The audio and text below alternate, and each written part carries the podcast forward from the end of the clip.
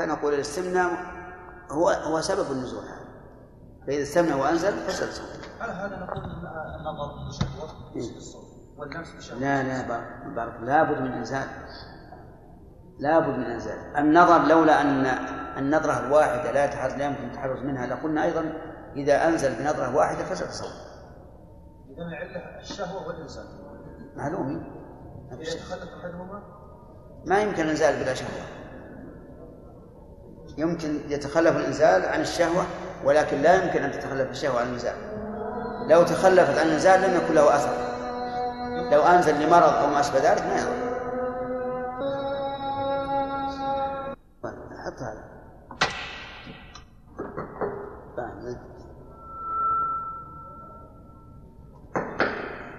نعم. من داود شيخ قلنا ان علة الافطار الطعام مع الفائده في الجسم. إيش؟ علة الافطار نعم. الانسان يتلذذ اللذه مع الفائده. طيب آه، قلنا بالافطار من بلع حصى ولا خلد إي نعم ولا لا يستفيد ولا يتلذذ. أن نقول لو قال قائل بهذا لم يكن بعيدا لكن يبقى عندنا مسألة الخرز أو شبه الذي لا فائدة منها ولا ولا يتلذذ بها اللسان. نأخذها بعموم بالعموم لأن كوننا نعلل بأن العلة كون نعلل بالتلذذ مع التغذية شيء علة استنباطية. والعلة المستنبطة لا تخصص العموم. كما هو المعروف. نعم. أحيانا الانسان صائم يتجشم فيخرج بطنه طعم ويصل إلى حلقه نعم. مجرد ما يصل في الطريق ان يبلعه ولا جوفه ينزل. إلى إلى الفم. ما يضر. لا هو الفم آه. لا لا. طرف اللسان من أسفل. نعم. كيف؟ كيف المعروفه قديما هل يمكن الحكم الان؟ اللي- الإبر هذه من باب أولى. لا تبطل الحقنة القديمة عبارة عن لي متصل ب بوعاء. هذا الوعاء يجعل فيه أدوية معينة ثم يدخل اللي في- في الدبر ويفتح الدواء عليه. طيب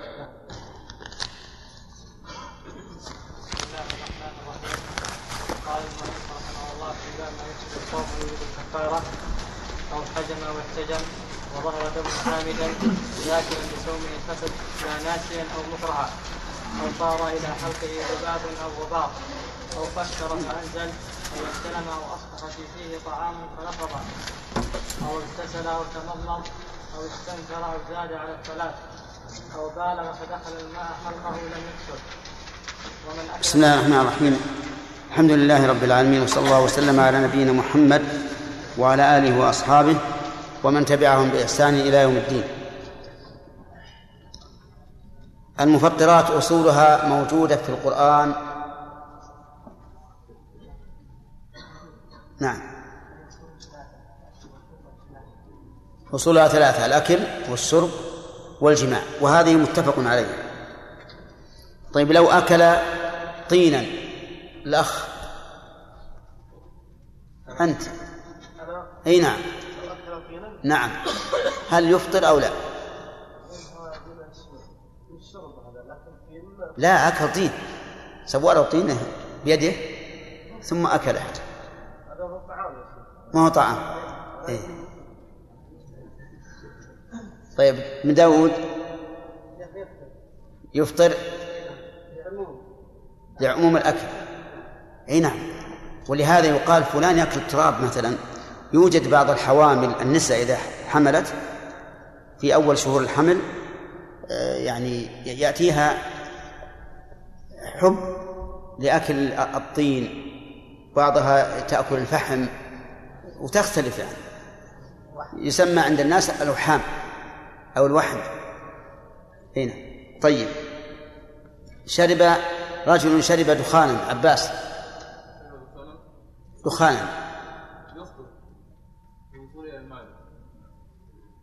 يفطر لوصول المعدة يدخل في الأكل ولا في الشرب؟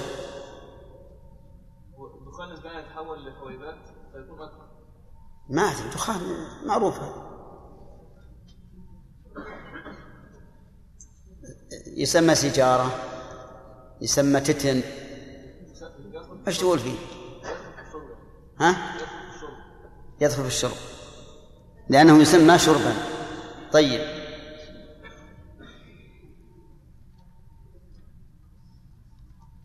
رجل احتقن في دبره. هل يفطر؟ يفطر. المذهب أنه يفطر. والقول الثاني أنه لا يفطر وهو اختيار شيخ الإسلام ابن تيمية لعدم دخوله في الأكل والشرب. رجل قطر في في إحليله شيئا. فهل يفطر أو لا؟ لا يفطر. وعلى القول الثاني؟ إذن قول واحد قول واحد لا يفطر. لماذا؟ لا يصل إلى جوفه بخلاف الحقنة فإنها تصل إلى إلى الجوف. هذا الفرق بينهما.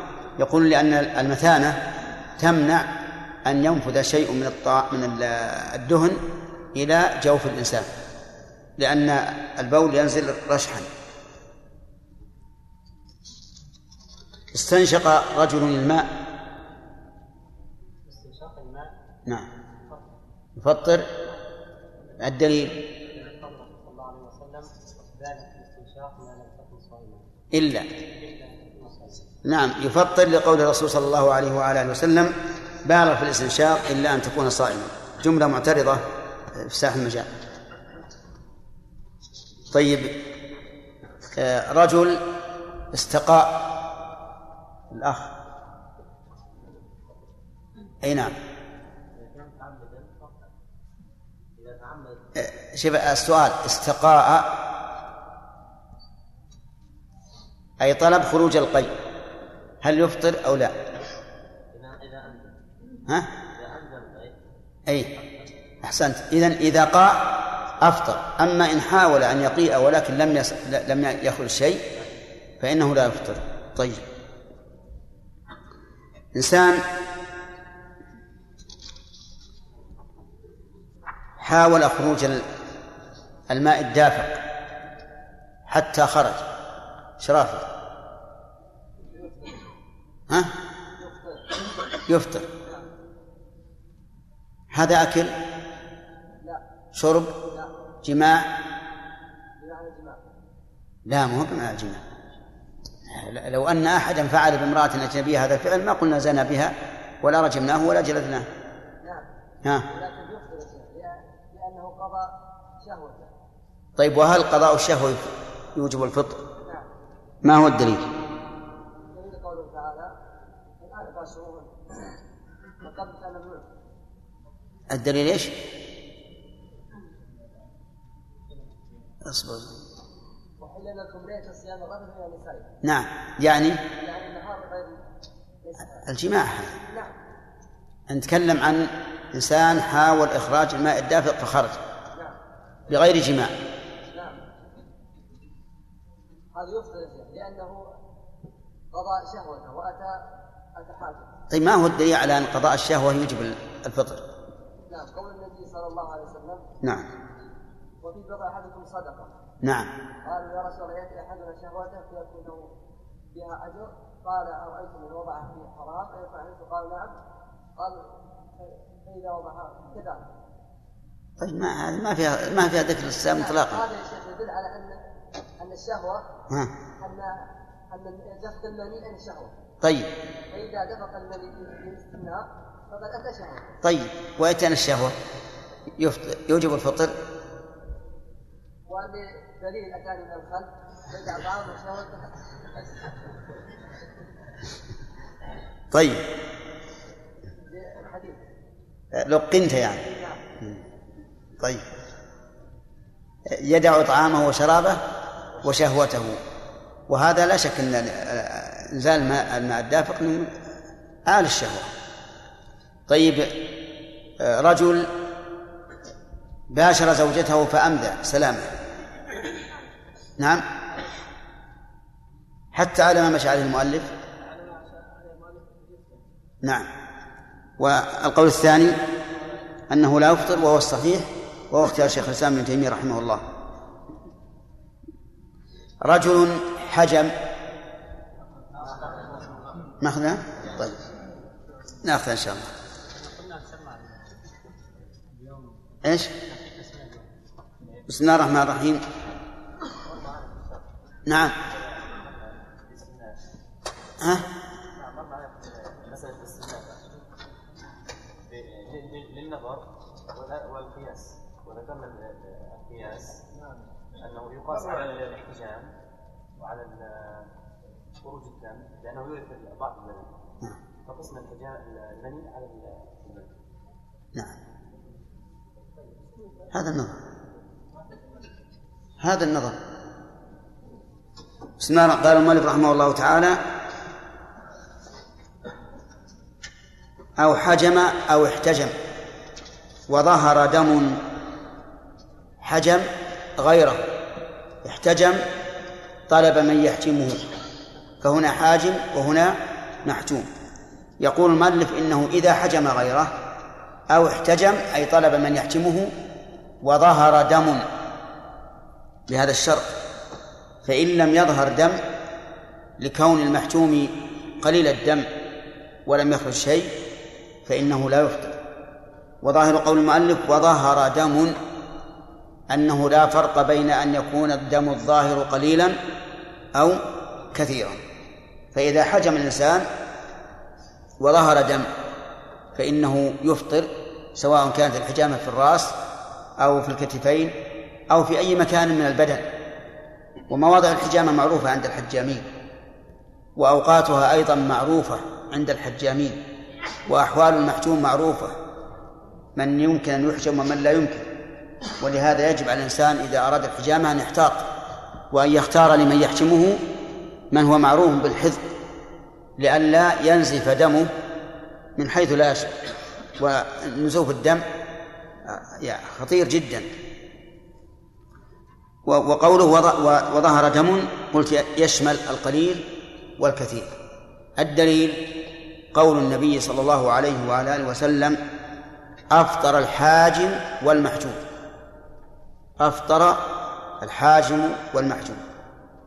فإذا قال قائل هذا الحديث فهمناه هذا الحديث ضعفه بعض أهل العلم. وقال إنه لا يصح عن النبي صلى الله عليه وعلى آله وسلم فمن ضعفه فإنه لا يستدل به ولا يأخذ به لأنه لا يجوز أن يحتج بالضعاف على أحكام الله عز وجل. ومن العلماء من صححه كالإمام أحمد وشيخ الإسلام ابن تيمية وغيرهما من الحفاظ وعلى هذا يكون الحديث حجة. يكون الحديث حجة. فإذا كان حجة وقلنا إنه يفطر بالحجامة الحاجم والمحجوم. فما هي الحكمة؟ قال الفقهاء رحمهم الله إن هذا من باب التعبد والأحكام الشرعية التي لا نعرف معناها تسمى عند أهل الفقه تعبدية بمعنى أن الواجب على الإنسان أن يتعبد لله بها سواء علم الحكمة أم لا. ولكن نسأل هل لها حكمة معلومة عند الله؟ الجواب نعم لا شك لأن الله سبحانه وتعالى قال ذلكم حكم الله يحكم بينكم والله عليم حكيم. فما من حكم من أحكام الشريعة إلا وله حكمة عند الله عز وجل. لكن قد تظهر لنا بالنص أو بالإجماع أو بالإستنباط وقد لا تظهر. فهذه هذه المسألة يعني إفطار الحاجم والمحجوم بالحجامة إذا ظهر الدم. هذه من الأحكام التعبدية التي يجب على الإنسان أن يتعبد لله بها وإن لم يعرف المعنى. وهذه الأحكام التعبدية لها أصل. أشارت إليه أم المؤمنين عائشة رضي الله عنها حين سألتها عمرة بنت رواحة قالت ما بال الحائض تقضي الصوم ولا تقضي الصلاة؟ معاذة قالت كان يصيبنا ذلك فنؤمر بقضاء الصوم ولا نؤمر بقضاء الصلاة. فوكلت الأمر إلى من؟ إلى حكم الله ورسوله. ولم تقل لأن الصلاة تتكرر والصيام لا يتكرر وما أشبه ذلك مما ذكره الفقهاء لأن المؤمن إذا قيل له هذا حكم الله فهذه الحكمة. وما كان لمؤمن ولا مؤمنة إذا قضى الله ورسوله أمرا أن يكون لهم الخيارة من أمرهم. فالحاصل أن أنها أن الأحكام التي لا تعلم حكمتها تسمى عند العلماء تعبدية يعني لا أن الواجب علينا أن نتعبد بها لله مع اعتقادنا أن لها حكمة ولا بد. لكن لقصورنا أو لتقصيرنا في طلب الحكمة صرنا لا نعرفها. وقال شيخ الإسلام ابن تيمية رحمه الله بل لذلك حكمة.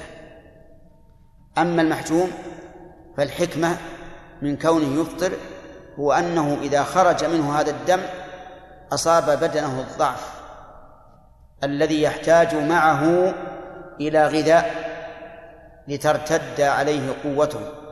لأنه لو بقي مثلا إلى آخر النهار على هذا الضعف فربما يؤثر على صحته في المستقبل. فكان من الحكمة أن يكون مفطرا. ووجه ذلك أن الحجامة للصائم إذا قلنا بأنها تفطر. لا تجوز في الفريضة إلا عند الضرورة. فإذا جازت للضرورة جاز له أن يفطر وإذا جاز له أن يفطر جاز له أن إيش؟ أن يأكل. جاز له أن يأكل. وحين وحينئذ نقول احتجم وكل واشرب من أجل أن أن تعود إليك قوتك وتسلم مما يتوقع من مرض بسبب هذا الضعف. وعلى هذا فالقول بتفطير الصائم بالحجامة من مصلحة الصائم أليس كذلك؟ من مصلحته لماذا؟ لأن نقول إذا كان صومه فرضا فإنه لا يجوز أن يحتجم إلا للضرورة فإذا اضطر إلى ذلك وحجم قلنا الآن أفطرت بعذر شرعي إيش؟ احتجم نعم واحتجم قلنا الآن أفطرت بعذر شرعي وإذا أفطرت بعذر شرعي فكل حتى ترتد عليك القوة. وعلى هذا فذلك من مصلحته. أما إذا كان الصوم نفلا فالأمر واضح فيه والصائم نفلا له أن يخرج من صومه بدون عذر لكنه يكره لغير غرض صحيح. إذن صارت الحكمة بالنسبة للمحتجم ظاهرة أو غير ظاهرة؟ ظاهرة. الحكمة بالنسبة للحاجم الحكمة بالنسبة للحاجم يقول شيخ الإسلام ابن تيمية رحمه الله إن الحاجم عادة يمص القارورة قارورة الحجامة وإذا مصها فإنه بالضرورة سوف يصعد الدم إلى فمه وربما من شدة الشفط ينزل الدم إلى بطنه من حيث لا يشعر وهذا يكون شربا للدم فيكون فيكون بذلك مفطرا. يقول هذا هو الغالب ولا ولا عبرة بالنادي ولا أدري هل تعرفون قوارير الحجامة؟ قوارير الحجامة عبارة عن قارورة من حديد يكون فيها قناة دقيقة قناة دقيقة. يمصها الحاجم ويكون في فمه قطنة. من حين ما يمصها يسدها بهذه القطنة لأنه إذا مصها تفرغ الهواء. وإذا تفرغ الهواء فلا بد أن يجذب أن أن يجذب الدم. ولهذا إذا جذب الدم ثم امتلأت القارورة سقطت. وأما ما دامت ما دامت لم تمتلئ فهي باقية. يقول لابد أن يصل إلى الحاجم شيء من هذا الدم من غير شعور. والحكمة إذا كانت غير منضبطة فإنه يؤخذ بعمومها. ولهذا قال لو أنه حجم بآلات منفصلة لا تحتاج إلى إلى إلى مص فإنه لا يفطر بذلك. أما الذين يقولون إن تعبدي فيقولون إن الحاجم يفطر ولو أفطر بآلات منفصلة لعموم اللفظ. نعم. بآلات منفصلة فإنه يفطر لعموم اللفظ. وعلى كل حال فالذي يظهر لي والعلم عند الله أن ما ذهب إليه شيخ الإسلام أولى أن نقول إن الإنسان إذا حجم بطريق غير مباشر ولا يحتاج إلى مصه فلا معنى لأن نقول بأنه مفطر. والأحكام الشرعية ينظر فيها إلى العلل الشرعية. طيب وقلت لكم إن العلماء مختلفون في هذه في هذه المسألة. والقول بأن الحجامة مفطرة هو اختيار هو مذهب الإمام أحمد رحمه الله وهو منفرد به عن المذاهب. وانفراد الإمام أحمد عن المذاهب لا يعني أن قوله ضعيف لأن المسألة ما هي بالأكثرية كمجالس الناس اليوم. المسألة تعود إلى ما دل عليه الشرع.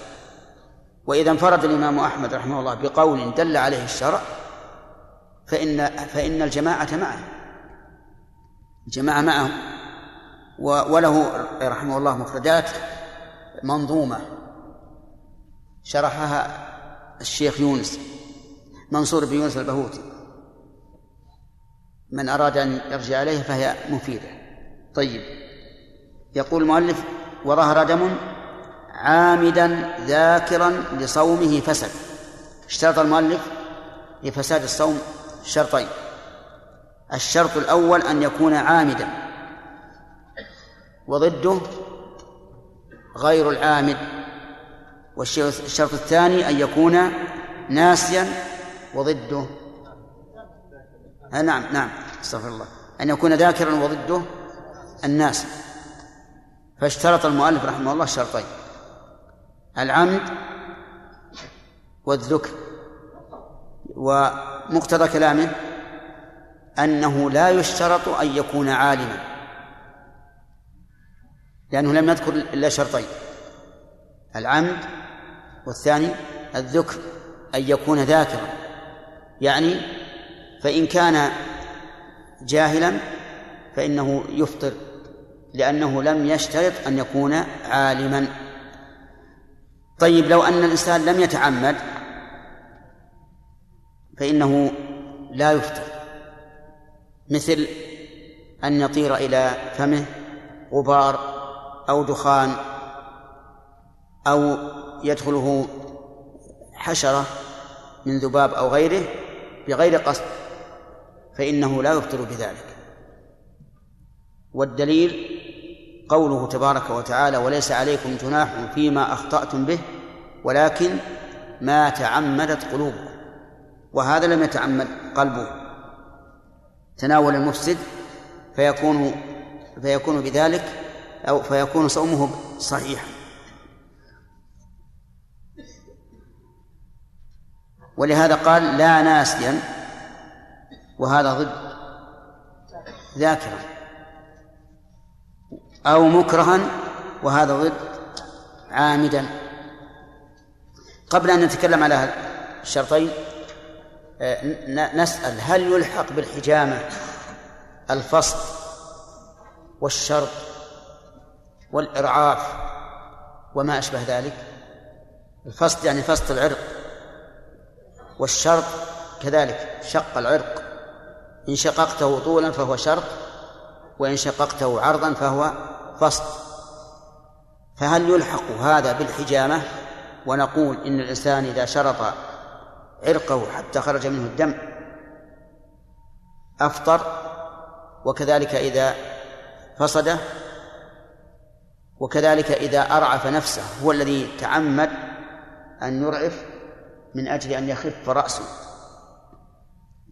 المذهب لا يلحق بالحجامة.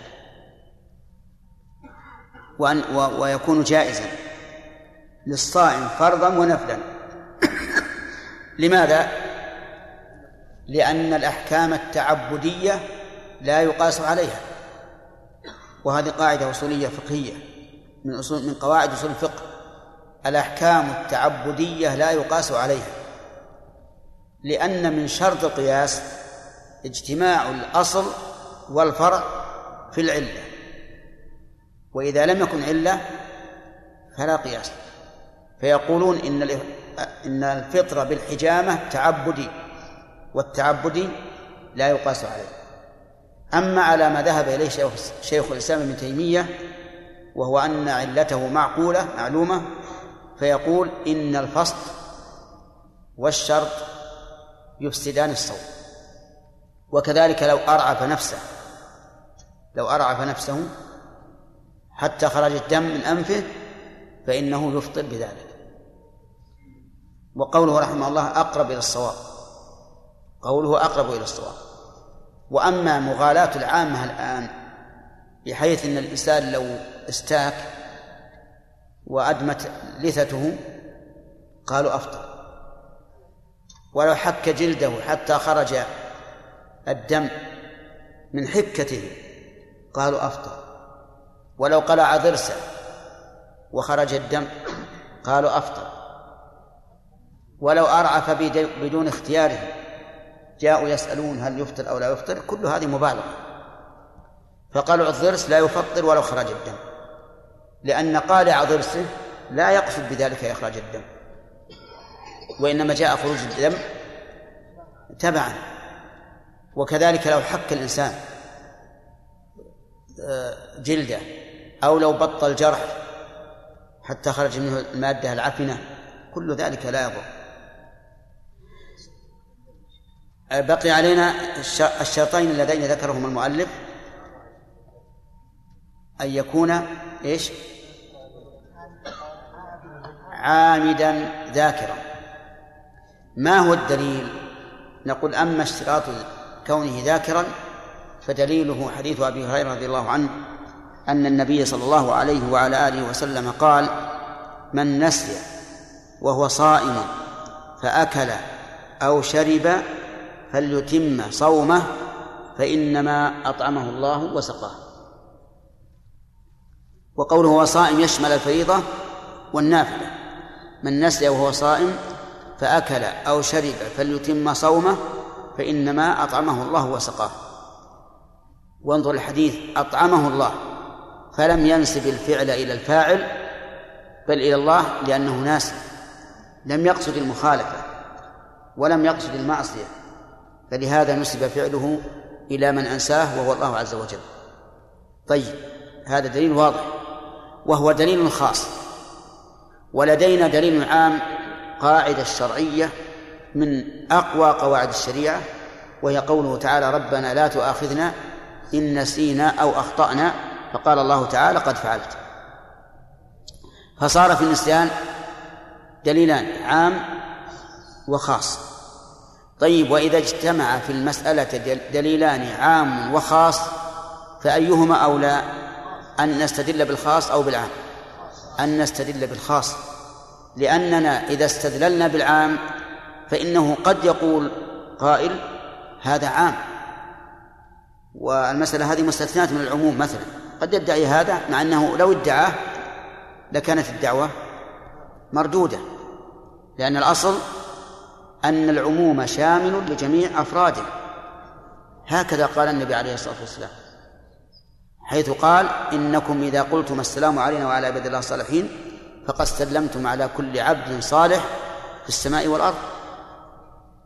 لأن عباد الله الصالحين عامة فالعموم يشمل جميع أفراده. فلو استدللنا على أن الناس إذا أكل أو شرب لا يفسد صومه بآية البقرة استدلال صحيح ولا غير صحيح؟ طيب ولو ادعى مدعي أن هذا خارج قلنا له نعم قلنا أين الدليل؟ الأصل أن العام شامل لجميع أفراد العموم والدليل على هذا الأصل حديث إذا قلتم ذلك فقد استلمتم على كل عبد صالح في السماء والأرض لكن الحمد لله المسألة فيها دليل خاص. طيب أكل ناس أو شرب ناس. ولما جعل يعلق اللقمة ذكر أنه صائم. فهل يلزمه أن يلفظها؟ نعم. نعم يلزمه أن يلفظها. لأنها في حكم الظاهر. الفم في حكم الظاهر. والدليل أنه في حكم الظاهر أن الإنسان الصائم يتمضمض ولا يفسد صومه. طيب ابتلعها. ابتلعها حتى وصلت أو يعني وصلت ما بين حنجرته ومعدته. هل يلزمه أن يخرجها؟ لا يلزم. ولو حاول وأخرجها لفسد صومه من جهة التقيد. طيب. هذا رجل ذكروه لنا سابقا ونحن صغار. يقول إنه اشترى عنبا. والعنب في ذلك الوقت قليل جدا يعني من يحصل على عنقود من العنب. فجاء به إلى إلى أهله وكان الناس يفرحون بالعنب جدا. العنقود يساوي عندهم شيء كثير.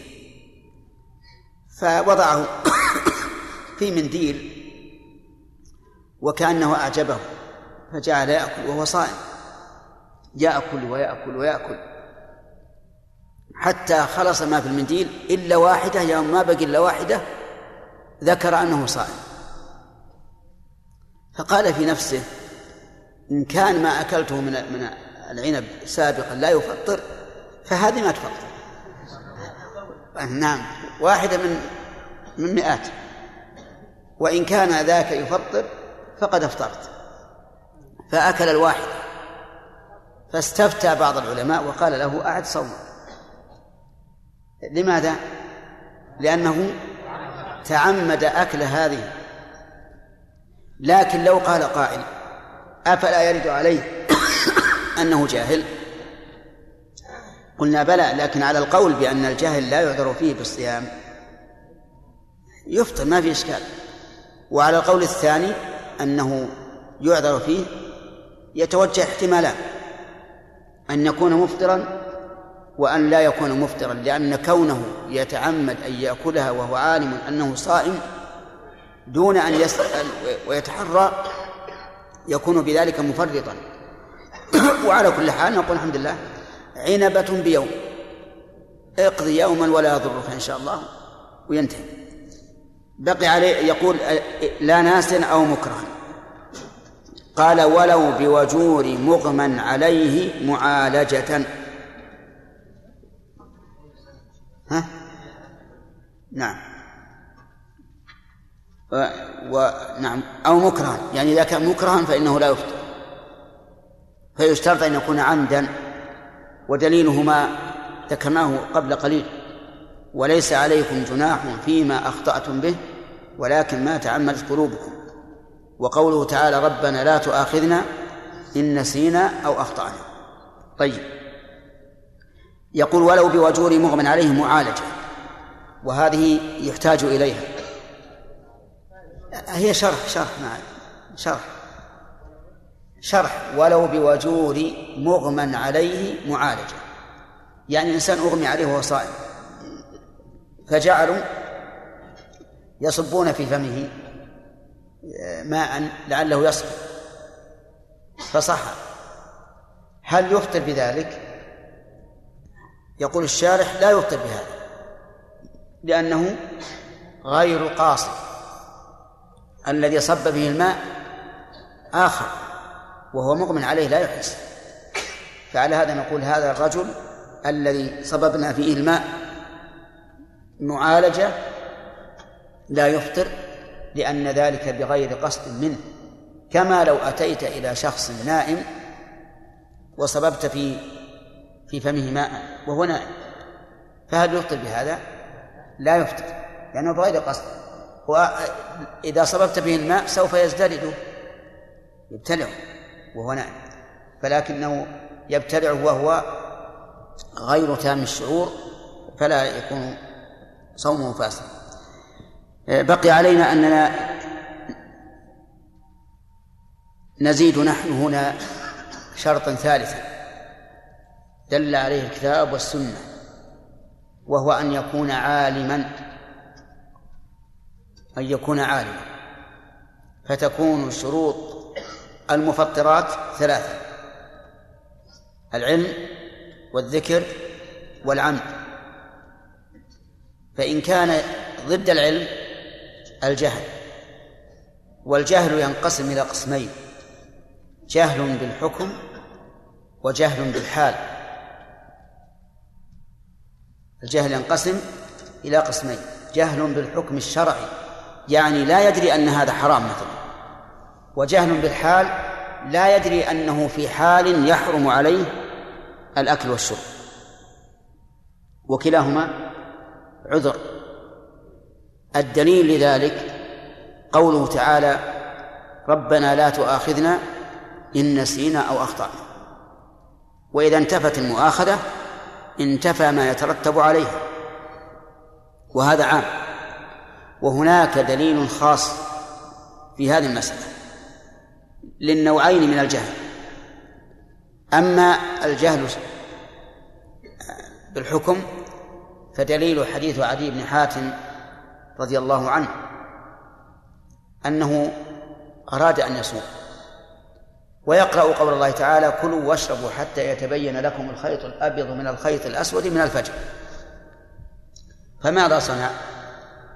أتى بعقال أسود عقال البعير حبل تربط به يد البعير. أتى بعقال أسود وعقال أبيض وجعلهما تحت وسادته وجعل يأكل. يأكل وينظر إلى الخيطين. حتى تبين الأخ الخيط الأبيض من الخيط الأسود فتوقف. هذا أخطأ في إيش؟ في الحكم في فهم الآية. وهذا خطأ في الحكم. الحكم أن الخيط الأبيض بياض النهار والأسود سواد الليل. فلما جاء إلى النبي عليه الصلاة والسلام أخبره قال له إن وسادك لعريض أن وسع الخيط الأبيض والأسود. صحيح ولا لا؟ صار مساده مد الأفق. الخيط الأبيض يمتد من الشمال إلى الجنوب. فقال إن وسادك لعريض. أن وسع الخيط الأبيض والأسود. ولم يأمره بالإعادة. لماذا؟ لأنه جاهل. ما قصد ولا تعمد مخالفة الله ورسوله. بل رأى أن هذا هو حكم الله ورسوله فعذر بهذا. ولم يأمره النبي صلى الله عليه وعلى آله وسلم بالقضاء. وأما الجهل بالحال فقد ثبت في الصحيح عن أسماء بنت أبي بكر رضي الله عنهما. قالت أفطرنا في يوم غيم على عهد النبي صلى الله عليه وعلى آله وسلم ثم طلعت الشمس. هؤلاء أفطروا في النهار وأكلوا في النهار. بناء على إيش؟ على أن الشمس قد غربت. فهم جاهلون لا بالحكم الشرعي ولكن بالحال. لم يظنوا أن الوقت في النهار. ولم يأمرهم النبي صلى الله عليه وعلى آله وسلم بالقضاء. ولو كان القضاء واجبا لكان من شريعة الله ولكان محفوظا فلما لم يحفظ ولم ينقل عن النبي صلى الله عليه وعلى آله وسلم أنه أمرهم بالقضاء فالأصل براءة الذمة وعدم القضاء. إذن نزيد في الشروط شرطا ثالثا وهو العلم. وضده الجهل سواء كان الجهل بالحكم الشرعي أو بالحال فإنه لا يفطر ولكن هؤلاء الذين أفطروا قبل أن تغيب الشمس إذا تبين أن الشمس لم تغرب هل يقولون نحن أفطرنا الآن أو لا؟ لا يجب عليهم الإمساك. يجب عليهم أن يمسكوا لأنهم أفطروا بناء على سبب تبين عدمه. وهذا يجرنا إلى مسألة مهمة وهو أن من بنى قوله على سبب تبين أنه لم يوجد فلا فلا حكم لقوله. وهذا له يعني مسائل كثيرة. من أهمها ما يقع لبعض الناس في مسألة الطلاق. يقول لزوجتي مثلا إن دخلت دار فلان فأنت طالق. بناء على أن عنده آلات محرمة كتلفزيون أو غيره. ثم يتبين أنه ليس عنده شيء من ذلك فهل إذا دخلت تطلق أو لا؟ لا. لا لا تطلق لأنه مبني على سبب تبين زواله. وه- وهذا هو القياس شرعا وواقعا. نعود إلى قضية علي بن حاتم استدل بها البلاغيون على مسألة دعوها والله أعلم بصحتها. يقولون كلما كان الإنسان طويل الرقبة كان غبيا. إذا كان طويل الرقبة كان غبيا. لماذا؟ لتباعد ما بين الدماغ والقلب. فيضعف فهمه. ولهذا قول الرسول عليه الصلاة والسلام إن وسادك لعريض لأن عرض الوسادة يدل على طول الرقبة. وطول الرقبة يدل على البلاهة. وهذا قول باطل من أبطل الأقوال. كيف يصف الرسول عليه الصلاة والسلام رجلا مجتهدا بأنه أبله؟ هذا لا يقع من أدنى واحد فكيف بالرسول؟ إيش؟ من أي أصولها؟ هذه مستقلة. جاءت بها السنة.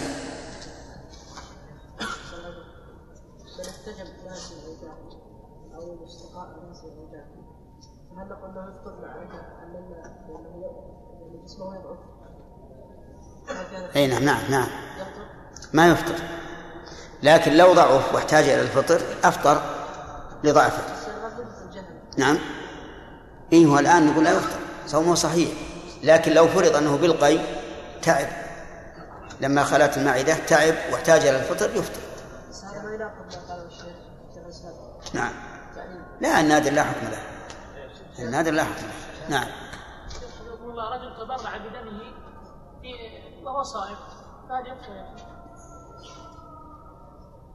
الغالب إن أن الدم المتبرع به أنه كثير. يعني يلحق يلحق البدن من الضعف ما تلحقه الحجامة. وبناء على ذلك يكون مفطرا. نعم فإذا كان صومه فريضة إذا كان صومه فريضة فإنه لا يجوز أن يتبرع إلا إذا كان هناك ضرورة. وهذا بناء على ما ذهب إليه شيخ الإسلام. أما على المذهب فلا. نعم. على هذا القول اسمها أربع اصول الفطره أي نعم. الأكل والشرب والشهوة والضرر؟ ممكن أن نقول هكذا ويمكن أن إذا قلنا بأن تعبدية ما ما تكون هكذا. نقول هذه جاءت بها السنة مستقلة. نعم. أخذنا أخذنا قاعدة أن العلة إذا كانت غير مستنبطة يعني تقريبا غير منصوص عليها نعم. وعادت على النص بالإبطال نعم. فإنها لا لا يؤخذ بها. أحسنت. وقال شيخ الإسلام تيمية لا يعود على النص بالإبطال وهو أن أن الحاجم إذا لم لا الحاجب نعم. إذا لم نعم أي نعم. هو صحيح. هذ- هذه ترد على هذه القاعدة. ترد على هذه القاعدة. ولهذا قلنا لكم نحن الظاهر لنا كلام شيخ الإسلام هو الأقرب بالنسبة للمحجوم واضح. بالنسبة للحاجم قد نقول إنه إذا كانت العلة هذه غير مستنبطة آه، غير منصوص عليه ولا مجمع عليها فلا ينبغي أن نقول بأنها تبطل لكن لقائل أن يقول إن الرسول صلى الله عليه وسلم يتكلم عن شيء معهود في زمنه. الحاجم يعني المعهود. فتكون ال بمعنى العهد الذهني المعروف عندهم. أما اللي يحجم بآلات بس فهذا بعيد. نعم إذا كان في المدينة حاجم واحد فكل واحد قد يأتي في كل يوم من أيام رمضان واحد مضطر إنه يحتج. فيكون كل الشهر وش تقول في هذا الفرق؟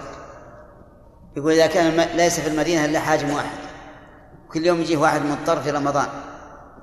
له أن يقول ما بحجم إلا إذا خاف أن أن يهلك. لأن أحيانا يثور الدم على الإنسان وربما يهلكه. يجوز. إيه. وما- وماذا يصنع؟ مثل ما لو كان كل يوم يطلع يلقى حريق ولا غريق. انتهى انتهى الوقت. أخاف يجلس مضطر ولا عاد؟ نعم تأخير الليل واضح إذا أمكن. حتى حتى لو عادي لو ما في الا إلا واحد بيحتجم إذا كان يمكن بالليل.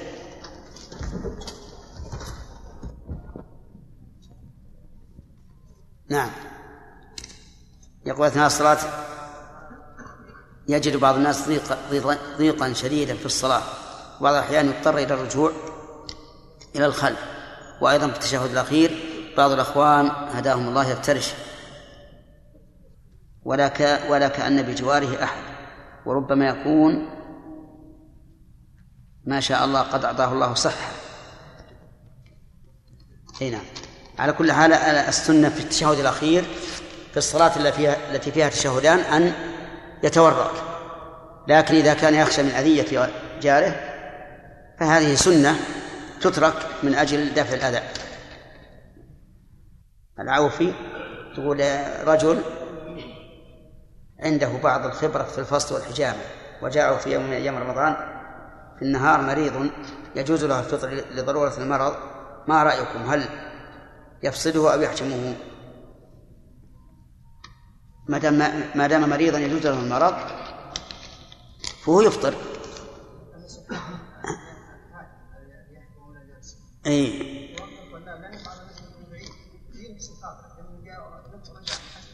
أي نعم.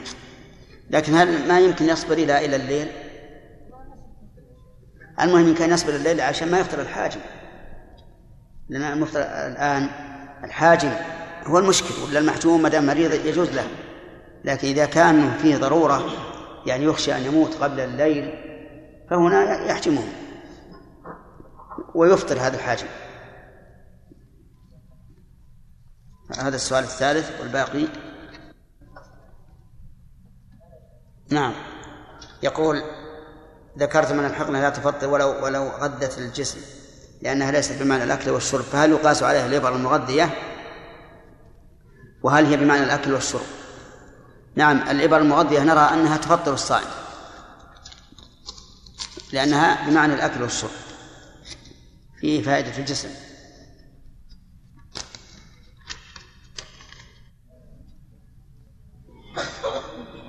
هذا أم عبد الله. تقول ما القول الصحيح في مسألة احتجاب المرأة عن الرجل الأعمى؟ والسؤال الثاني أسقط الطفل له شهرين أيصلى عليه؟ وتعتد كعدة النفساء. أما الأول فالصحيح أنه لا يجب عليها أن تحتجب عن الرجل الأعمى. وأما الثاني فلا يصلى عليه لأنه لا يصلى إلا على من بلغ أربعة أشهر. ولا وليس فيه نفاس أيضا لأن لأن النفاس لا يكون إلا إذا خلق ولا يخلق في شهرين.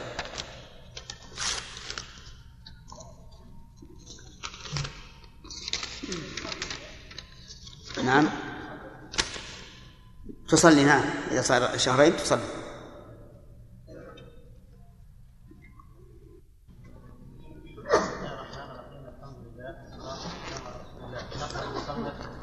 رحمه الله تعالى في باب ما يفسد الصوم ويوجب الكفاره أو صار إلى حلقه نقل عن من عن من نقل هو هو أي نعم يقال نقل في الأحاديث وشبهها أما المؤلف هو اللي ألفه نعم. قال المصنف رحمه الله تعالى باب ما يفسد في باب ما يفسد الصوم ويوجب الكفاره أو طار إلى حلقه ذباب أو غبار أو كفر فأنزل أو استلم أو أصبح في فيه طعام فلفظه أو اغتسل أو تمضمض أو استنثر أو زاد على الثلاث أو بالغ فدخل الماء حلقه لم يفسد. ومن أكل لم يفسد. لم يفسد. ومن أكل شاكا في طلوع الفجر صح صومه. إلا أن لا لا إن لا إن أكل. لا إن أكل. لا إن أكل شاكا في غروب الشمس أو معتقدا أنه ليل فبان نهارا بسم الله الرحمن الرحيم. الحمد لله رب العالمين وصلى الله وسلم على نبينا محمد وعلى آله وأصحابه ومن تبعهم بإحسان إلى يوم الدين. سبق لنا أن المفطرات التي مرت بنا يشترط لكونها مفطرة شروط. نعم. شرف. الأول. العمد.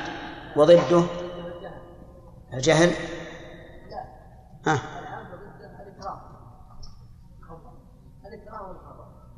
الخطأ من الجهل. نعم. الشرط الأول العمد وضده الضد عدم العمد. يعني عدم العمد يعني أن لا يقصد الشيء. طيب. أحسن. اصبر اصبر اصبر بس يكفي. هذا بعد ما هو الدليل على اشتراط العمدية؟ عبد الله. ها.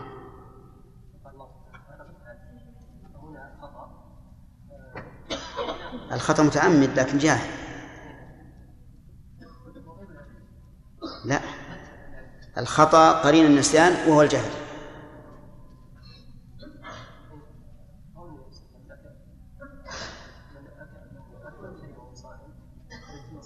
إذا نسي.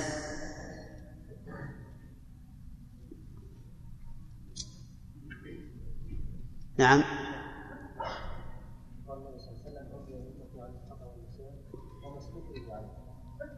أي نعم. أي أين الدليل؟ هذا ما أكره لكن لم يتعمد. قوله تعالى ولكن ما تعمدت قلوبكم وليس عليهم جناح إيه ولكن ما تعمدت قلوبكم. طيب يؤخذ من قوله ولكن ما تعمدت قلوبكم. طيب. مثال غير العامد. يرى محجوب محجوب. مثال غير العامد. هذا السؤال. نعم. إنسان جامع في نهار حاجة بجامع بين غير عمد غير عامل في الصيام غير عامد لما حصل من المفطرات. نعم آه، الوضوء آه. لا مثال مثال. ما هو دليل؟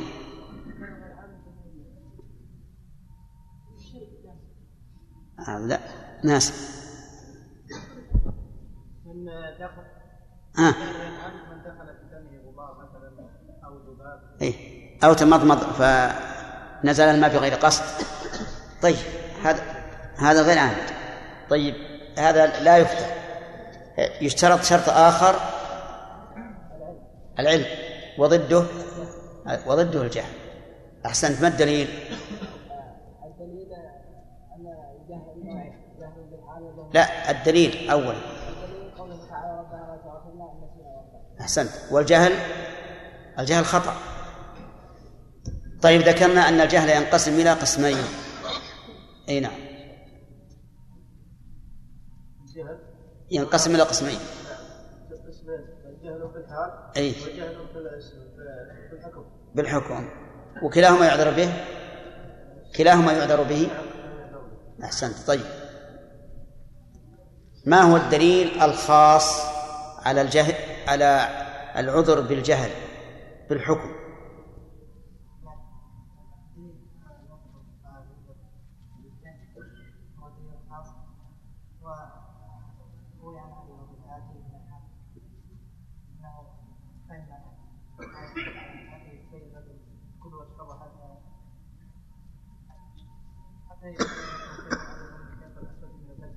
نعم.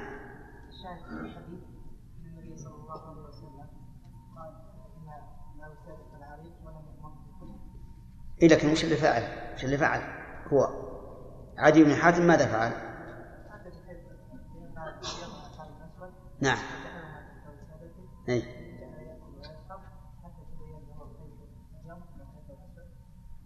أحسن.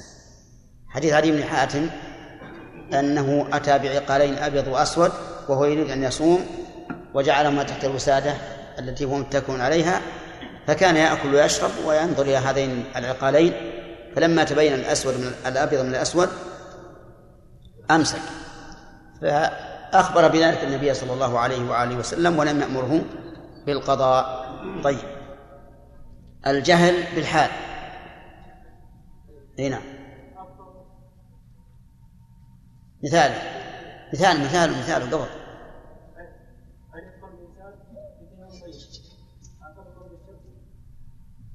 يظن أنها أنها غابت الشمس. تمام. هل يفطر أو لا؟ يفطر. إذا معناها لم تعذره بالجهل.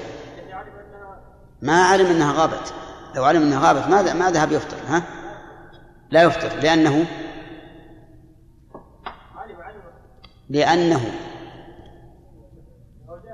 جاهل بإيش؟ بالحكم. لا يدري أن أنه لا يجوز الأكل قبل غروب الشمس.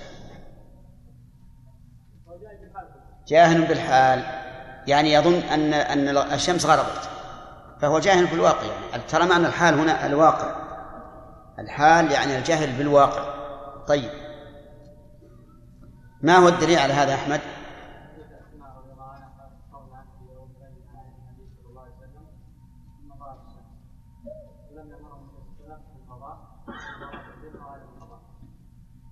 طيب.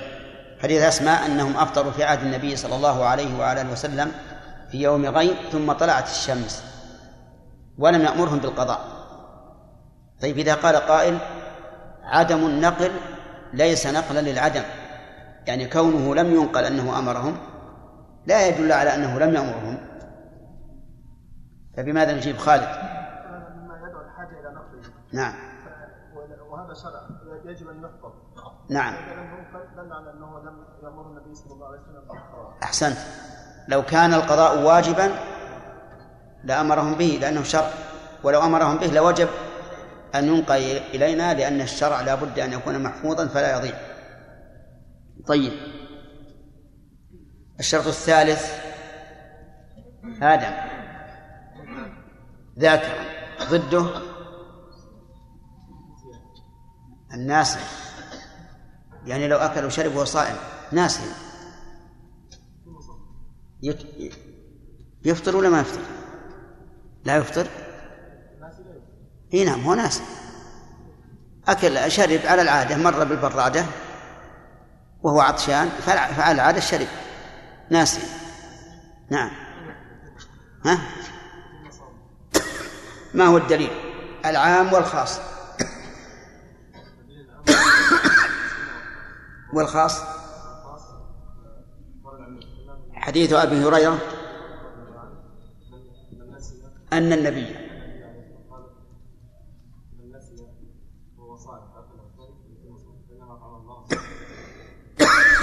أحسنت. هذا هو المهم في في درسنا في معرفة المفطرات هو معرفة معرفة هذه الشروط. حتى لا نفسد صوم أحد إلا بدليل شرعي يكون لنا حجة عند الله. لأن الله تعالى سيقول لنا لماذا أفسدتم عبادة عبادي بلا إذن مني؟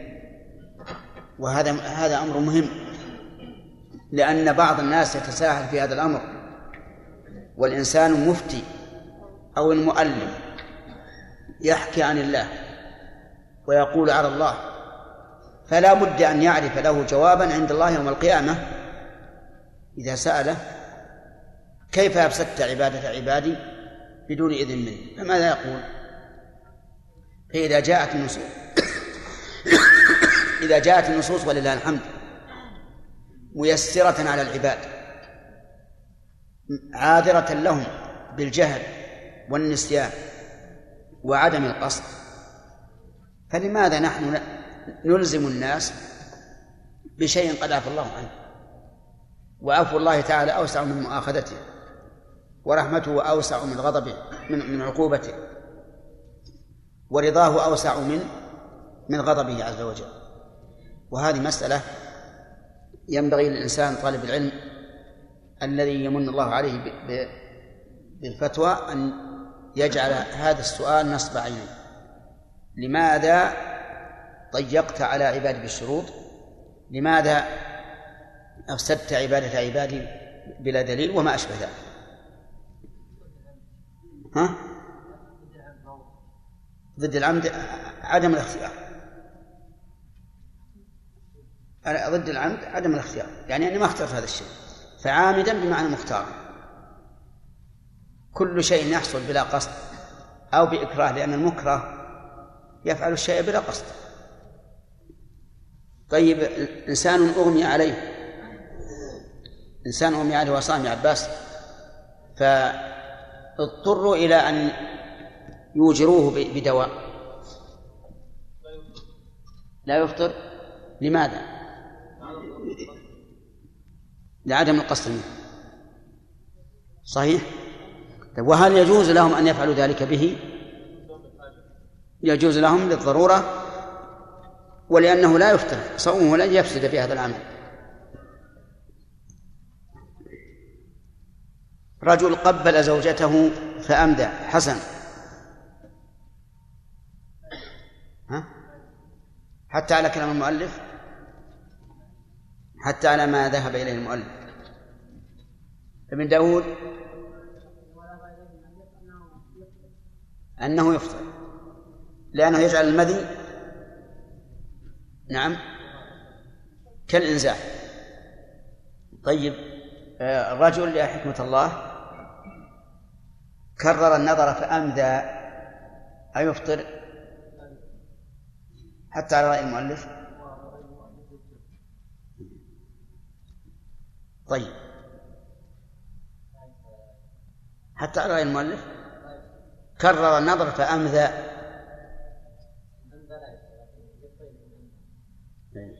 ما تقولون أيهما أصح؟ الثاني أو الأول؟ الثاني. وهنا فرق المؤلف بين الإمداء والإمناء. والصواب أن الفرق بينهما في في هذه الحال وغيرها. ثم قال المؤلف رحمه الله تعالى في بيان ما, ما لا يفسد الصوم أو طار إلى حلقه ذباب يعني فلا يفطر لأنه بغير قصد. لكن لو كان مستقر الذباب حين طار أقصى الفم فإنه يمكن أن يخرجه.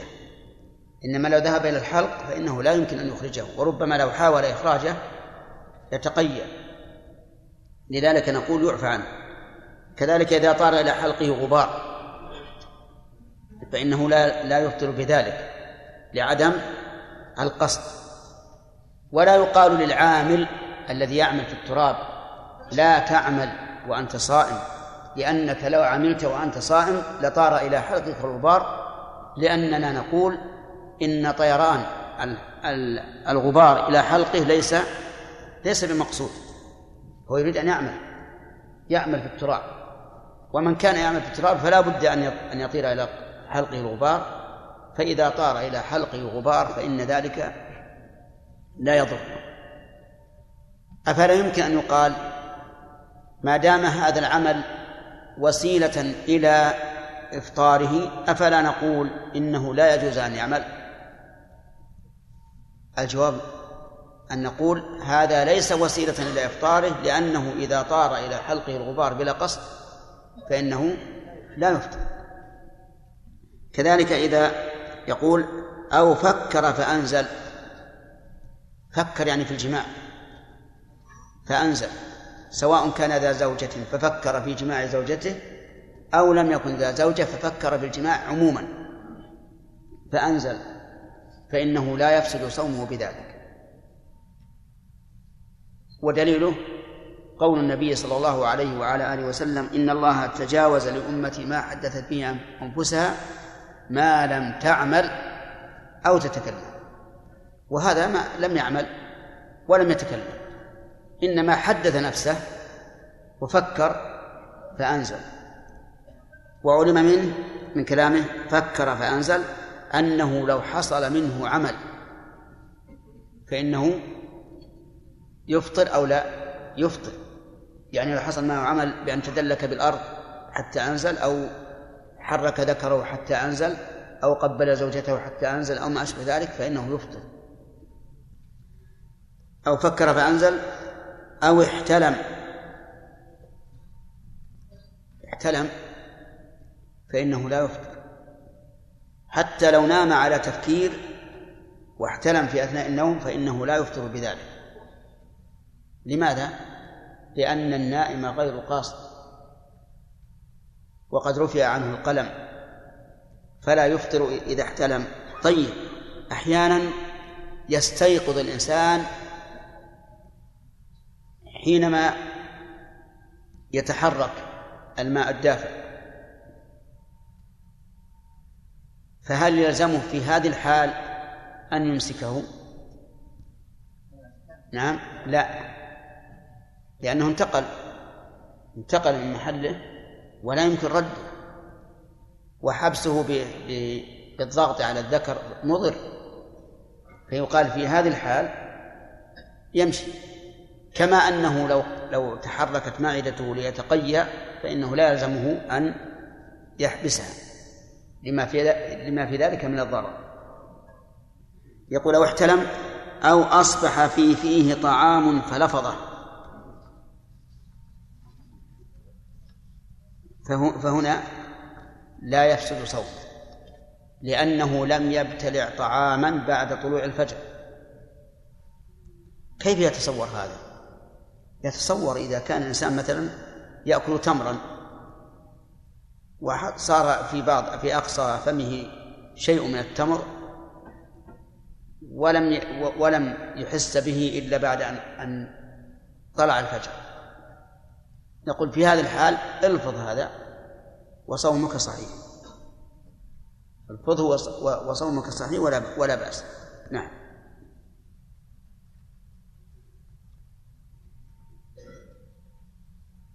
يقول أو اغتسل. اغتسل. فدخل الماء إلى حلقه. فإنه لا يفطر بذلك. لعدم لعدم القصد. أو تمضمض. فدخل الماء إلى حلقه. حتى وصل إلى معدته فإنه لا يفطر. لعدم القصد. أو استنثر والمراد استنشق لأن الاستنثار يخرج الماء من الأنف فإما أن تكون هذه من المؤلف سبقة قلم أو سهو لأن المراد بقول استنثر يعني استنشق. استنشق الماء في الوضوء مثلا فإن ثم نزل الماء إلى حلقه فمعدته فإنه لا يفطر لعدم القصد. أو زاد على الثلاث. يعني زاد على الثلاث في المضمضة أو الاستنشاق فدخل الماء إلى حلقه فإنه لا يفسد صوم. وأتى المؤلف بقول زاد على الثلاث لأن ما قبل الثلاث مشروع. ما قبل الثلاث في المضمضة والاستنشاق مشروع. ومأذون فيه. والقاعدة عند العلماء أن ما ترتب على المأذون فليس بمضمون. فهنا إذا تمضمض في الأولى والثانية والثالثة فنزل الماء إلى بطنه فإنه لا يفطر بذلك واضح لأنه لم يفعل إلا شيئا مشروعا وهذا ترتب على شيء مشروع فلا يضر. لكن لو زاد على الثلاث فالزيادة على الثلاث في الوضوء إما محرمة وإما مكروهة كراهة وإما مكروهة كراهة شديدة. لقول لقول النبي صلى الله عليه وعلى آله وسلم من زاد على ذلك فقد أساء وتعدى وظلم. فإذا زاد على الثلاث فالزيادة مكروهة أدنى أحوالها أنها مكروهة. لكنه زاد عليها ووصل الماء إلى بطنه فإنه لا يفطر لعدم القصد لأنك لو سألت هذا الذي تمضمض أكثر من ثلاث أأنت تريد أن يصل الماء إلى بطنك؟ لقال لقال لا فإذا كان كذلك فإنه لا يفطر لأنه ما لم يقصد أن ينزل الماء إلى بطنه. وكذلك لو بالغ في الاستنشاق أو المضمضة مع أنه مكروه يكره للصائم أن يبالغ فيهما لكن لو بالغ ودخل الماء إلى بطنه فإنه لا لا يفطر بذلك. لعدم القصد. طيب لو أنه يبس فمه كما يوجد في أيام الصيف ويوجد أيضا مع بعض الناس يكون ريقه قليلا ينشف فمه فتمضمض من أجل أن يبتل فمه أو تغرغر بالماء. ونزل إلى بطنه. فهل يفطر بذلك؟ نقول لا لأنه غير مقصود. ولم يقصد الإنسان أن ينزل الماء إلى بطنه وإنما أراد أن يبل فمه ونزل الماء بغير قصد. ويتفرع على هذا. هل يجوز للصائم أن يستعمل الفرشة والمعجون أو لا؟ نقول يجوز لكن الأولى أن لا يستعملهما لما في لما في المعجون من قوة النفوذ والنزول إلى الحلق. وبدلا من أن يفعل ذلك في النهار يفعله في الليل الأمر واسع. أو بالغ فدخل الماء حلقه لم يفسد ثم قال ومن أكل شاكا في طلوع الفجر صح صومه. من أكل شاكا ومن شرب؟ مثله. ومن جامع؟ كذلك. يعني من أتى مفطرا وهو شاك بطلوع الفجر فصومه صحيح. لأن الله تعالى قال فالآن باشروه وابتغوا ما كتب الله لكم وكلوا واشربوا إلى متى؟ حتى يتبين لكم الخيط الأبيض من الخيط الأسود من الفجر. وضد التبين الشك والظن. فما دمنا لم يتبين لنا فلنا أن نأكل ونشرب لأن الله أباح ذلك. ثم إن الإنسان في هذا الوقت إما أن يتيقن أن الفجر لم يطلع. مثل أن يكون طلوع الفجر في الساعة الخامسة ويكون أكله وشربه في الساعة الرابعة والنصف. فهنا يتيقن أن الفجر لم يطلع وهذا لا إشكال فيه. وإما أن يتيقن أن الفجر طلع كأن يأكل الساعة الخامسة والنصف. فهذا صومه فاسد ولا شك. وإما أن يأكل وهو شاك. هل طلع الفجر أو لا؟ ويغلب على ظنه أنه لم يطلع. فما الحكم؟ صومه صحيح؟ طيب. وإما أن يأكل ويشرب ويغلب على ظنه أن الفجر طالع. فصومه صحيح. صومه صحيح. وإما أن يأكل ويشرب مع التردد الذي ليس فيه رجحان. فصومه صحيح. هذه خمسة أقسام. يصح الصوم فيها في ثلاثة أقسام. إذا علم أنه لم يطلع أو غلب على ظنه أنه لم يطلع أو تردد فيه أو غلب على ظنه آه، أنه طلع لكن لم يتيقن. كل هذا يؤخذ من الآية الكريمة. كلوا واشربوا حتى يتبين لكم الخيط الأبيض من الخيط الأسود من الفجر. طيب هل يقيد هذا فيما إذا لم يتبين الفجر؟ إذا لم يتبين أنه أكل في الفجر أما على القول الراجح فإنه لا يقيد. حد يعني حتى لو تبين أن الفجر قد طلع فصومه صحيح. بناء على العذر بالجهل في الحال. وأما على المذهب فيقولون إذا تبين أن أكله كان بعد طلوع الفجر فعليه القضاء. بناء على أنهم لا يعذرون بالجهل. والصواب العذر بالجهل كما سبق. طيب. يقول لا إن أكل شاكا في غروب الشمس فإنه آه، لا يصح صومه. إن أكل شاكا في غروب الشمس فإنه لا يصح صومه.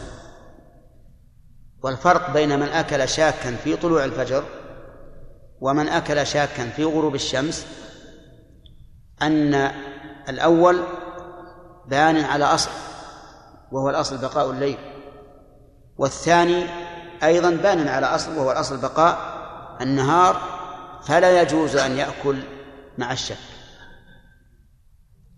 لا يجوز أن يأكل مع الشك. طيب إذا متى يجوز أن يأكل؟ إذا تيقن أو غلب على ظنه أن الشمس قد غربت. حتى على المذهب في هذا الحال إذا غرب على ظنه أن الشمس قد غربت فله أن أن يفطر. ولا قضاء عليه ما لم يتبين أنها لم تغرب. وسبق القول الصحيح أنه معذور أيضا. أرجو أنكم فهمتم الآن. إذا أكل شاكا في طلوع الفجر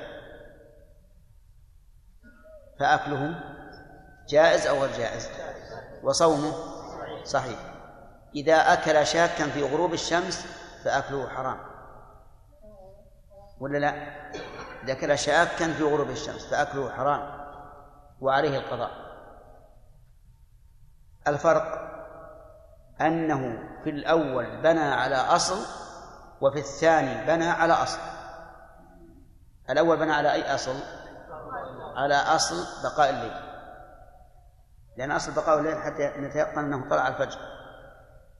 والثاني بنى بنى على أصل أيضا وهو أن الأصل بقاء النهار ما لم نعلم أن الشمس قد غربت. طيب. إذا تبين بعد أن أكل شاكا في غروب الشمس إذا تبين أن الشمس قد غربت قبل أن يأكل فما حكم صومه؟ صومه صحيح. صومه صحيح. لأنه لأن شكه كان تبين أنه مبني على غير أصل. عرفتم؟ طيب وإن أكل ظانا أن الشمس غربت. ولم يتبين الأمر. فصومه صحيح. من أين نأخذ من كلام المؤلف؟ من قوله شاكا في غروب الشمس. فعلم منه أنه لو أكل وقد ظن أن الشمس قد غربت فإنه يصح صومه. ما لم يتبين أنها لم تغرب فإن تبين أنها لم تغرب فقد عرفتم القول الصحيح في هذا وهو أنه لا قضاء عليه والمذهب أن عليه القضاء. طيب فإن قال ما الدليل؟ إن قال قائل ما الدليل على أنه يجوز الفطر بالظن مع أن الأصل بقاء النهار؟ قلنا الدليل حديث أسمى في عهد النبي عليه الصلاة والسلام أفطروا في يوم غيب. وإفطارهم بناء على إيش؟ على ظن ولا؟ أو على يقين؟ على ظن قطعا لأنه لو تيقن أن الشمس طلعت أن الشمس غربت ما طلعت. فهم بنوا على ظن.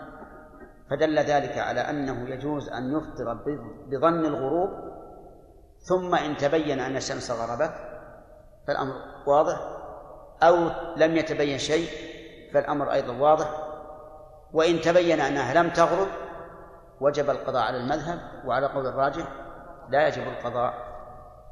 طيب ثم قال أو معتقدا أنه ليل فبان نهارا. يعني سواء من أول النهار أو آخره أكل يعتقد أنه ليل. بناء على ظنه أو بناء على الأصل فبان نهارا فعليه القضاء. لماذا؟ لأنهم لا يعذرون بالجهل. لأن الفقهاء رحمهم الله لا يعذرون بالجهل. ويقول العمل بما بالواقع. مثاله أكل أكل السحور يعتقد أن الفجر لم يطلع فتبين أنه طالع فما الحكم؟ نعم المذهب يجب عليه القضاء وهذا يقع كثيرا يقوم الإنسان من فراشه ويقرب سحوره ويأكل ويشرب وإذا بالصلاة تقام يعني أنه أكل وشرب بعد طلوع الفجر فعلى المذهب يلزمه القضاء وعلى قول الراجح لا قضاء. كذلك أكل يعتقد أن الشمس غربت. ثم تبين أنها لم تغرب. فهو أكل يعتقد أنه في ليل فبان أنه في نهار فيلزمه على المذهب القضاء والراجح أنه لا يلزمه. إذا حصلنا على الفرق بين أول النهار وآخره في أنه يجوز في أول النهار الأكل مع الشك وفي آخر النهار لا يجوز الأكل مع الشك. نعم. قال.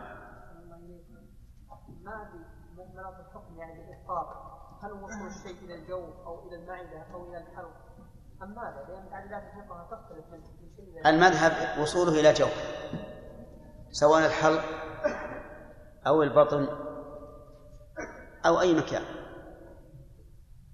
وشيخ الإسلام يرى أن. أن مناط الحكم بوصول الشيء إلى المعدة. فقط. وأما غيرها فلا فلا عبرة به. وهذا أقرب إلى إلى إلى إلى الانضباط وإلى الصواب.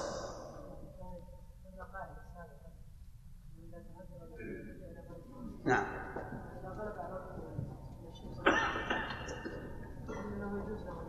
نعم. صحيح. نعم. لا ما يجوز.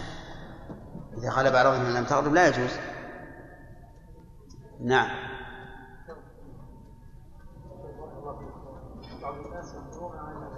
إيش؟ بعض الناس يفتروا على الاذان نعم. نعم. يفتر نعم. فإذا كان المؤذن أو عامل المسجد يصلح الميكروفون تكلم الميكروفون ففكروا الأذان فاتوا هنا.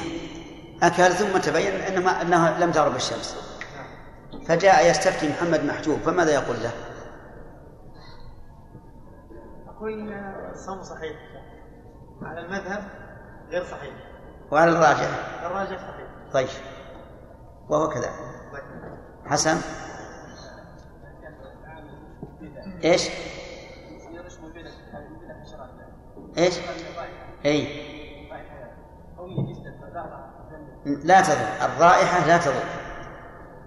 يعني لو إنسان مثلا آه، كما قال الأخ يرش مبيد الحشرات فطار إلى حلقه رائحته فلا يضر. نعم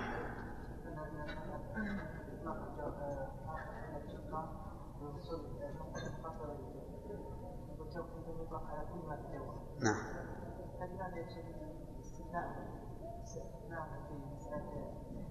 إيه. أسمعتم؟ إيراد جيد. يقول القاعدة عند الفقهاء أن ما وصل إلى مجوف فإنه مفطر. فلماذا استثنوا الإحليل؟ يعني إذا قطر في إحليله أي في ذكره فإنه لا يضر. يقولون لأن المثانة ما تنفذ إلى الجوف. لا من الجوف. نعم.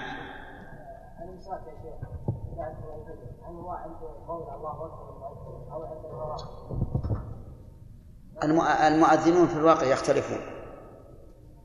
أولا منهم من ليس بحريص ومنهم من ساعته غير مضبوطة ومنهم من نظره ضعيف فيظن أربع نص يظن خمس نص ما هم يعني ما انسان يعتمد عليهم تماما الا إلا مؤذن تعرف تماما أنه يتحرى فهذا إذا أذن من يوم ياذن امسك لكن ورد أنه إذا أذن والإناء في يدك وأن تشرب فلا تضعه حتى تقضي نهمتك منه. وهذا فيه سعة. نعم. صرافه الناس الذين تسوقون الجبال. نعم. قلنا في قول أهل الطائرات أهل الطائرات إذا كانوا في سماء بلاد فإنهم لا يبصرون بنور الشمس. وتغيب عن الأرض قبله هل نقيس أهل الجبال والمرتفعات أو العمارات الشاهقه هي الدور ما أشبه ذلك. لا يبصرون اللي تحت حتى تغيب عن الذين فوق؟ ما فهمت؟ بعض المناطق. فيها سهول جبال نعم. أو عمارات مرتفعه جدا. نعم. لا تغيب على العلويين تغيب على السفليين قبل أن تغيب على نعم يقول من غابت عنهم فليفطروا ومن لم تغب عنهم فلا يفطروا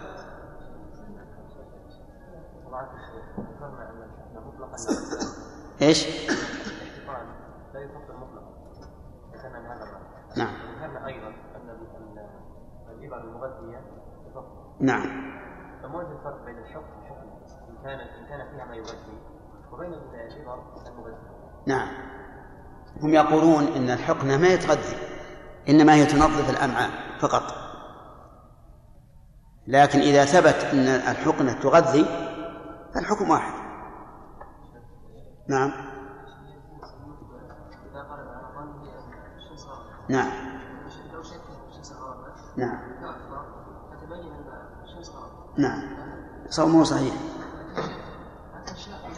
إيه هو آثم. لأن يقول لا لا, لا تأكل وأنت شاب لكنه أكل. نعم. هو نوى أي نعم. لكن هو الأفطار في, في وقت الليل. أصبر. والرسول عليه الصلاة والسلام يقول إذا أقبل الليل من ها هنا وأدبر النهار من ها هنا وغربت الشمس فقد أفطر الصائم. سواء نوى أو لم ينوي لأن نقول لهذا الرجل الذي أكل شاكا وانت أنت يجوز لك الأكل قبل أن تفطر. نعم. ها؟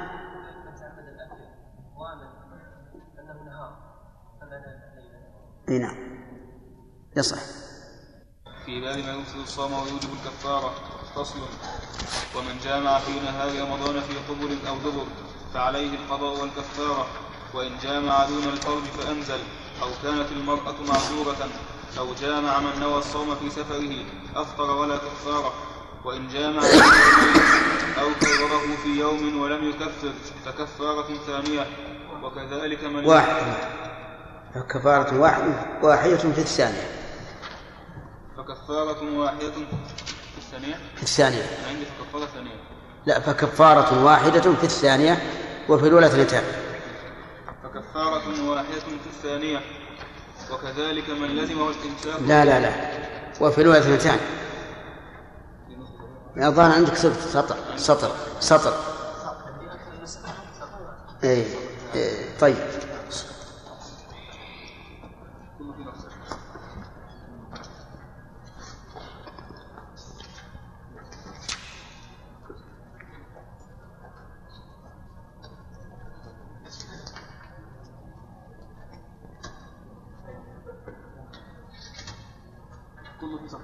نعم.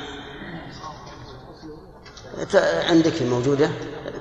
وإن جامع في يومين أو كرره في يوم ولم يكفر فكفارة واحدة في الثانية وفي الأولى وفي الأولى اثنتان. وإن جامع ثم كفر ثم جامع في يومه فكفارة ثانية. وكذلك من لزمه الإمساك إذا جامع. ومن جامع وهو معافى ثم مرض أو جن أو سافر لم تسقط ولا تجب الكفارة بغير الجماع في صيام رمضان. وهي عتق رقبة فإن لم يجد فصيام شهرين متتابعين فإن لم يستطع فإطعام ستين مسكينا. فإن لم يجد سقطت. بسم الله الرحمن الرحيم. الحمد لله رب العالمين وصلى الله وسلم على نبينا محمد وعلى آله وأصحابه ومن تبعهم بإحسان إلى يوم الدين. سبق لنا أن أن من أكل شاكا في غروب الفجر في طلوع الفجر ثم تبين أنه طالع فما الحكم؟ صح صح تبين أنه طالع. تبين بعد ذلك نعم. صح صح يصح صومه حتى على ما مشى عليه المؤلف.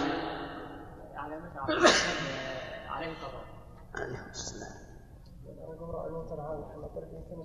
إي طيب. هذا يقول المذهب ان عليه القضاء صومه الراجح أن صومه صحيح.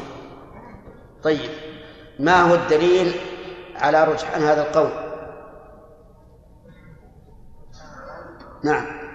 أنه إذا أكل شاكا في طلوع الفجر ثم تبين أنه بعد طلوع الفجر فصومه صحيح على القول الصحيح فما هو الدليل؟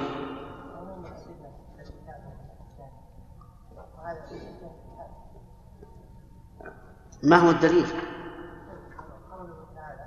نعم. أي نعم. ربنا لا تؤاخذنا إن نسينا أو أخطأنا. طيب. وهذا من الخطأ. وهل هناك دليل خاص في المسألة؟ سعد.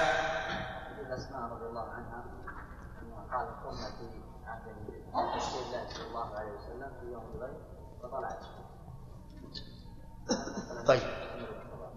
فطلعت الشمس. وإذا كان هذا في, في آخر النهار فأوله من باب أولى لأن أوله مأذون له أن يأكل ويشرب إلى أن يتبين له الفجر. طيب. رجل آخر أكل يعتقد